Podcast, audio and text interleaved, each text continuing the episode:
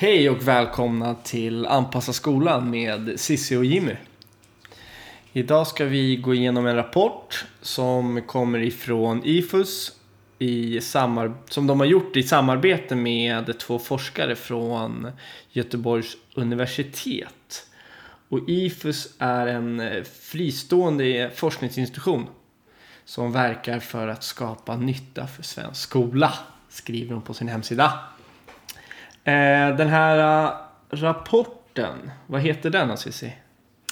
Eh, varför förbättras inte elevresultaten trots alla insatser? Ja, och hur färsk är den då? Ja, den kom nu i februari 2020, så den är eh, väldigt ny helt enkelt. Mm. Om ni inte lyssnar på det här avsnittet om typ tre år. Ja, men då vet ni att det var februari 2020. Ja, exakt. Ja, och varför vill vi prata om den här då? Jo, för att den, eh, det var något som fångade oss här i den här rapporten. Och eh, det som fångade min, mitt intresse var egentligen att eh, slutsatserna som vi såklart kommer till sen, men det vi behöver prata om i den här rapporten är att trots väldigt stora insatser, i det här fallet är det Skolverket som har gått in och hjälpt en gymnasieskola eh, under tre år för att de vill öka sina studieresultat på vissa program. Där de har sett att det bara sjunker själva andelen med examen och eh, slutbetyg. Precis, ja, exakt. Så trots den här treåriga insatsen på den här skolan så har inte det hjälpt. Och det är därför rapporten egentligen är skriven. Varför har inte insatsen hjälpt? Och det är det vi ska prata lite om. Mm. Om vi ska ta lite bakgrund och eh, vad de har fått för eh, insatser. Kan du förklara lite det Cissi? Ja, då hade Skolverket en, ett projekt som de hade 2016 till 2018 då. Tre år så har de valt ut skolor som har blivit uppmärksammade utifrån Skolinspektionens rapporter. De har alltså fått nedslag på någonting. Och då har Skolverket valt ut eh, olika skolor som de erbjuder det här stödet då. då.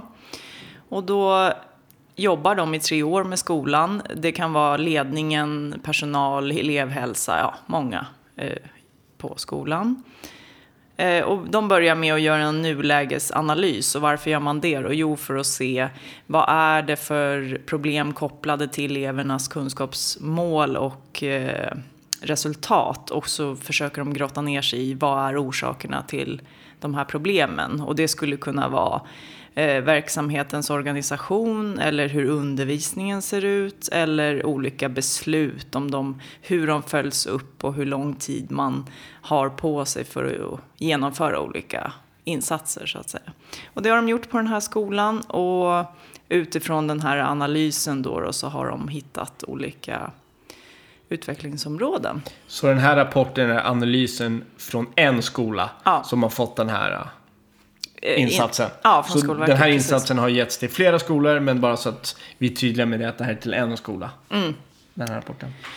Precis. Eh, En gymnasieskola är det. En gymnasieskola, Ja. precis. Och det är 13 personal på den här skolan som var delaktiga i själva rapporten, eller själva det här projektet om man säger så.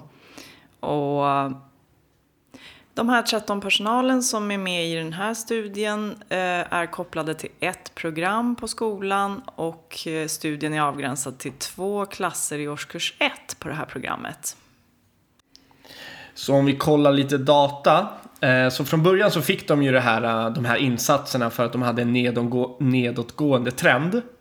Och under de här tre åren så har det ju fortsatt falla. Om man kollar på 2016 så det här programmet hade 73% som tog examen. Sen 2017 föll det ner och då var det 66% som tog examen. Och 2018, sista året då, då var det 59% eh, som tog examen. Så det är en, eh, ja, det är en ganska stor skillnad. Det är 14 procentenheter. På, Tre år. ja exakt. Ja, och då är det ju väldigt intressant. Då behöver man ju granska hur kommer det sig. Då går vi till nästa del i rapporten. Mm, och då är det ju, eller ja, första delen kan man säga, man har intervjuat eh, skolpersonal på den här skolan som är med då och eh, då har det varit 13 eh, personer som är lärare, skolledare, personal från elevhälsan som har deltagit. Mm. Och själva genomförandet var att man ville fokusera på aktuella problemområden och hur det har sett ut historiskt på den här skolan. Och så har man frågat lärarna vad de har för vision om en önskvärd framtida verksamhet på deras arbetsplats eller på skolan. Jag rättar mig där jag menar eh, skolpersonalen, inte bara lärarna. Precis, man har frågat skolpersonalen och inte mm. lärarna. Mm. Och eh, då sammanfattar vi vad de har kommit fram till då. Det de kommer fram till då är att det är två områden som eh, genomsyrar det här. Då. Och det är dels att eh, skolpersonalen lägger eh, problemet ofta hos eh, eleven.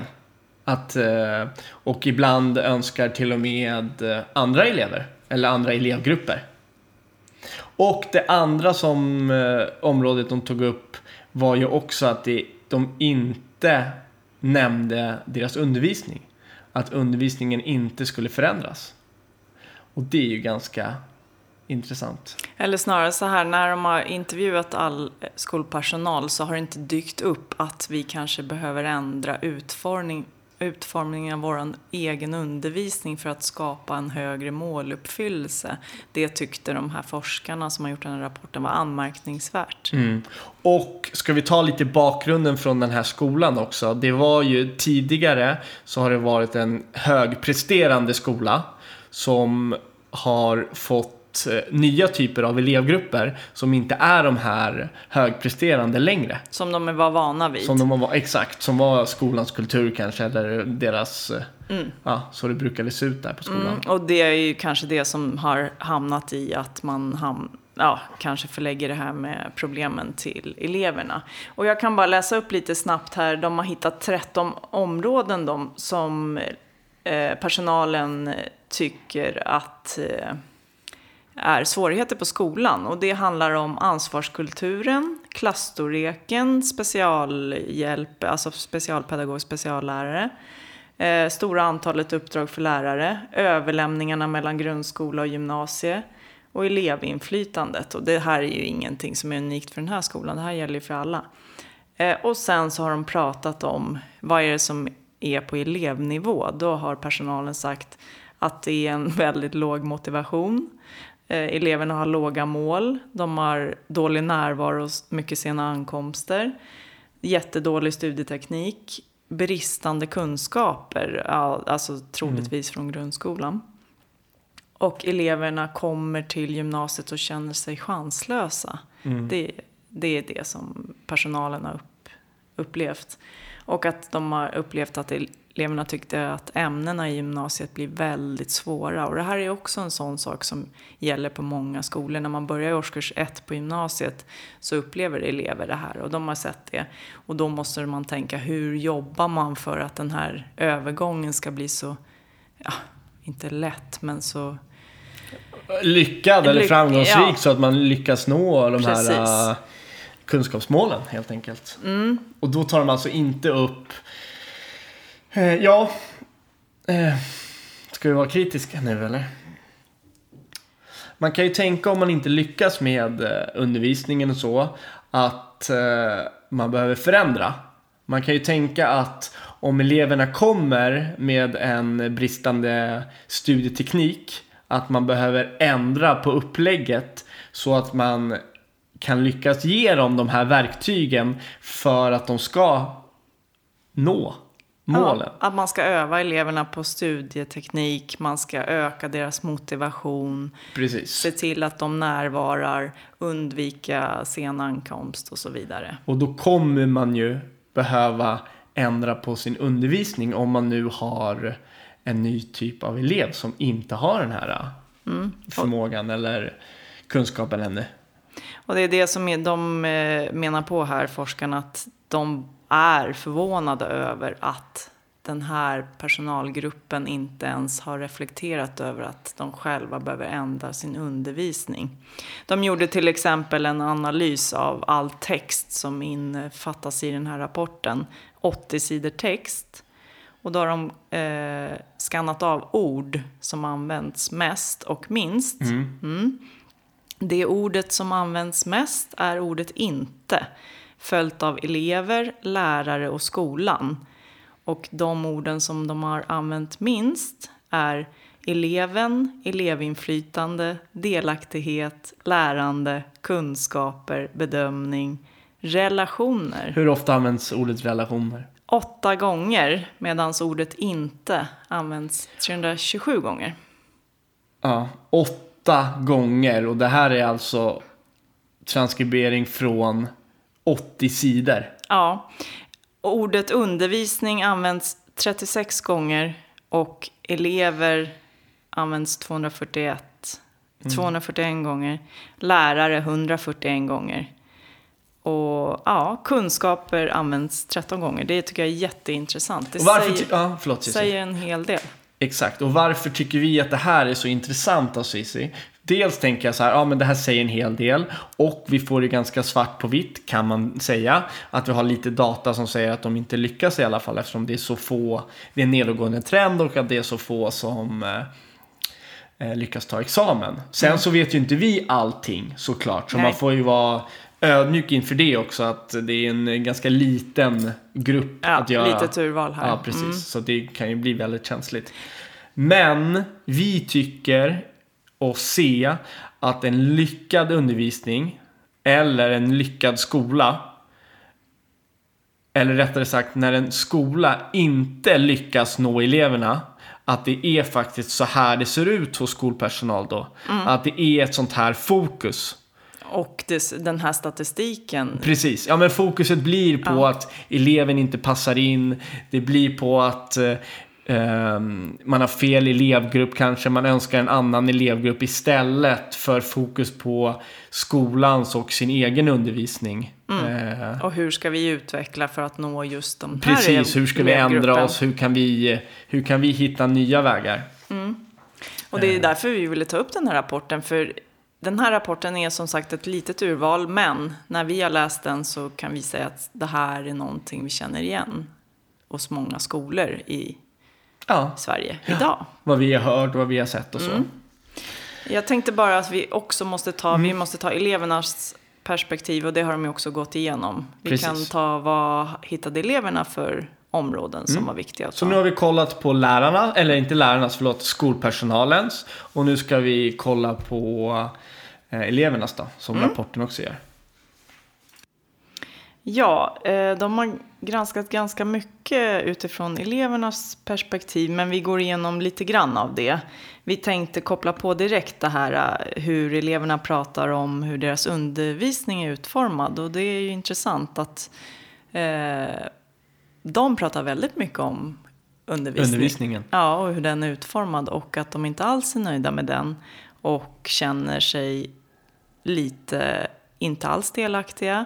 De känner att det oftast inte ens är undervisning i så som de hade tänkt sig när de kommer till gymnasiet utan det kan vara uppbyggt som att man får en liten inledning, en presentation av vad momentet ska handla om och sen förväntas man kunna jobba ganska mycket självständigt och lämna in i slutet av ja, eh, delmoment till exempel. Och så visar det sig kanske att den här aktuella elevgruppen inte klarar det här med självständigt arbete. Och då hamnar man ju direkt i att det blir inget resultat. Nej. Och det är väl det vi, ja, som de också säger. Men De har inte fått, den här elevgruppen kanske inte har fått de verktygen ännu. nej, precis. Och det är väldigt, många elever säger att eh, de hade kommit med inställningen att det här kommer vi lösa och sen så känner de av efter, jag vet inte vilken del av eh, året de har blivit intervjuade, men att eh, de känner sig oroliga och är inte alls med på den här eh, undervisningens upplägg. Och då blir det lite, man väntar ut att terminen ska gå och så ser man fler och fler misslyckas. Eller jag vet inte riktigt, men det är en känsla jag får när jag läser vad eleverna säger. Och så tar de upp lite att de blir hänvisade och gå till eh, ja, men, eh, läxhjälp utanför skolan och sånt. Och Mm. sådana insatser. Så det, är- det är mycket ansvar på, på eleven läggs. Enligt, ja, är det vi kan tolka i alla fall. Eh, ja, och sen så pratar de även om... Eh, ja, det är väldigt mycket teman egentligen här på elevernas perspektiv. Men ska vi hoppa till eh, eleverna berättar hur det ska vara när det funkar bra? Ja, vi kör på det då. Eh, och det de här eleverna säger, det är faktiskt mycket repetition från vad vi brukar säga i våra avsnitt. Eh, som till exempel, en bra lärare är en som lyssnar på eleverna och försöker förstå dem. Och vad, är det för, vad har vi för exempel på det då? Jo, sådana elever vi träffar när vi träffar elever som kanske behöver särskilt stöd eller extra anpassningar. Det är ju nästan alltid det de eleverna säger. Min lärare lyssnar inte på mig. Och då försöker man reda ut på vilket sätt lyssnar den inte och när händer det här. Ja, de är ofta så stressade, de hinner inte, de måste ha hela lektionen, sen är det så många att hjälpa. De hinner inte stanna kvar och jag får inte tag på dem på mail eller ja, hur de nu kontaktar. Och jag, många säger ju till och med att jag har frågat flera gånger och jag får inte svar. Precis, och det jag tänker där är ju att eh, om du skulle fråga den här läraren till exempel, då skulle ju den läraren mena att den visst lyssnar på eleven. Men på något sätt så när de pratar eller kommunicerar så möts de inte, de hittar inte varandra. Alltså det är olika förståelse. Ja. Eh, Ja, eleven tycker jag blir inte lyssnad på och, och ja, den pedagogiska personalen tycker jo, jag lyssnar visst på eleven. Eller läraren. Ja. Ja, men gå vidare. En annan punkt är en, eh, en som bryr sig om eleverna och vill deras bästa. Och det kan vi ju förut, det kan vi ju anta att alla lärare vill. Men det jag tänker här, det är också att det är viktigt att visa det för eleverna. Alltså att man gör det tydligt att jag vill ert bästa. För att jag tror att alla lärare vill elevernas bästa. Såklart. Men det är viktigt att visa det för eleverna så att de känner det. Eh, Det är det jag tar ut från det här. Eh, något annat då? En som ser att olika elever har olika behov. Ja, Ja. det är en klassiker. Ja. Om e- eleverna säger det, de kan ju också märka att vissa har... Det är klart att man märker på sina klasskompisar att alla har olika behov och det kan ju en elev känna av också. Och då kan ju även de se att den här eleven, min klasskompis, får inte det den behöver. Eller jag kanske inte får det, medan den tänker att någon annan får det. Och där är vi direkt i orättvisan och då känner man sig kanske antingen utelämnad eller att man inte syns.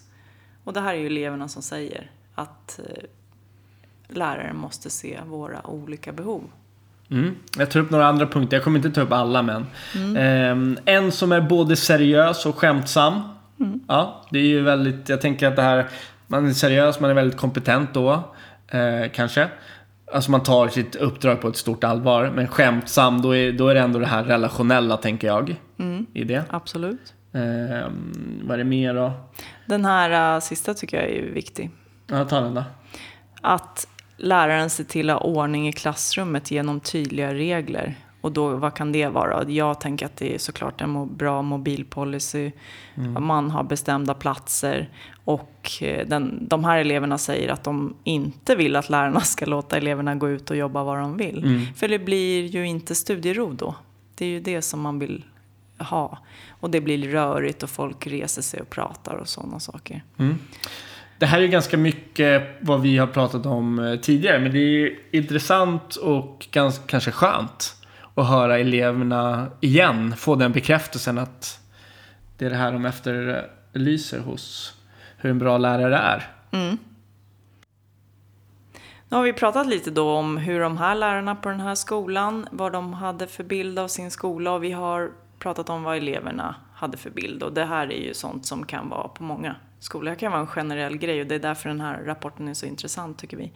Och det vi vill sammanfatta den här eh, Eh, resultatet med, det är ju återigen att det som eh, forskarna har fått fram är att vad eh, personalen säger är att man vill ha andra typer av elever. Och så länge man har en sån önskan och en vision så spelar det ju ingen roll hur mycket insatser du får från Skolverket eller hur mycket lärarlyft eller läslyft eller matematiklyft eller insatser man får.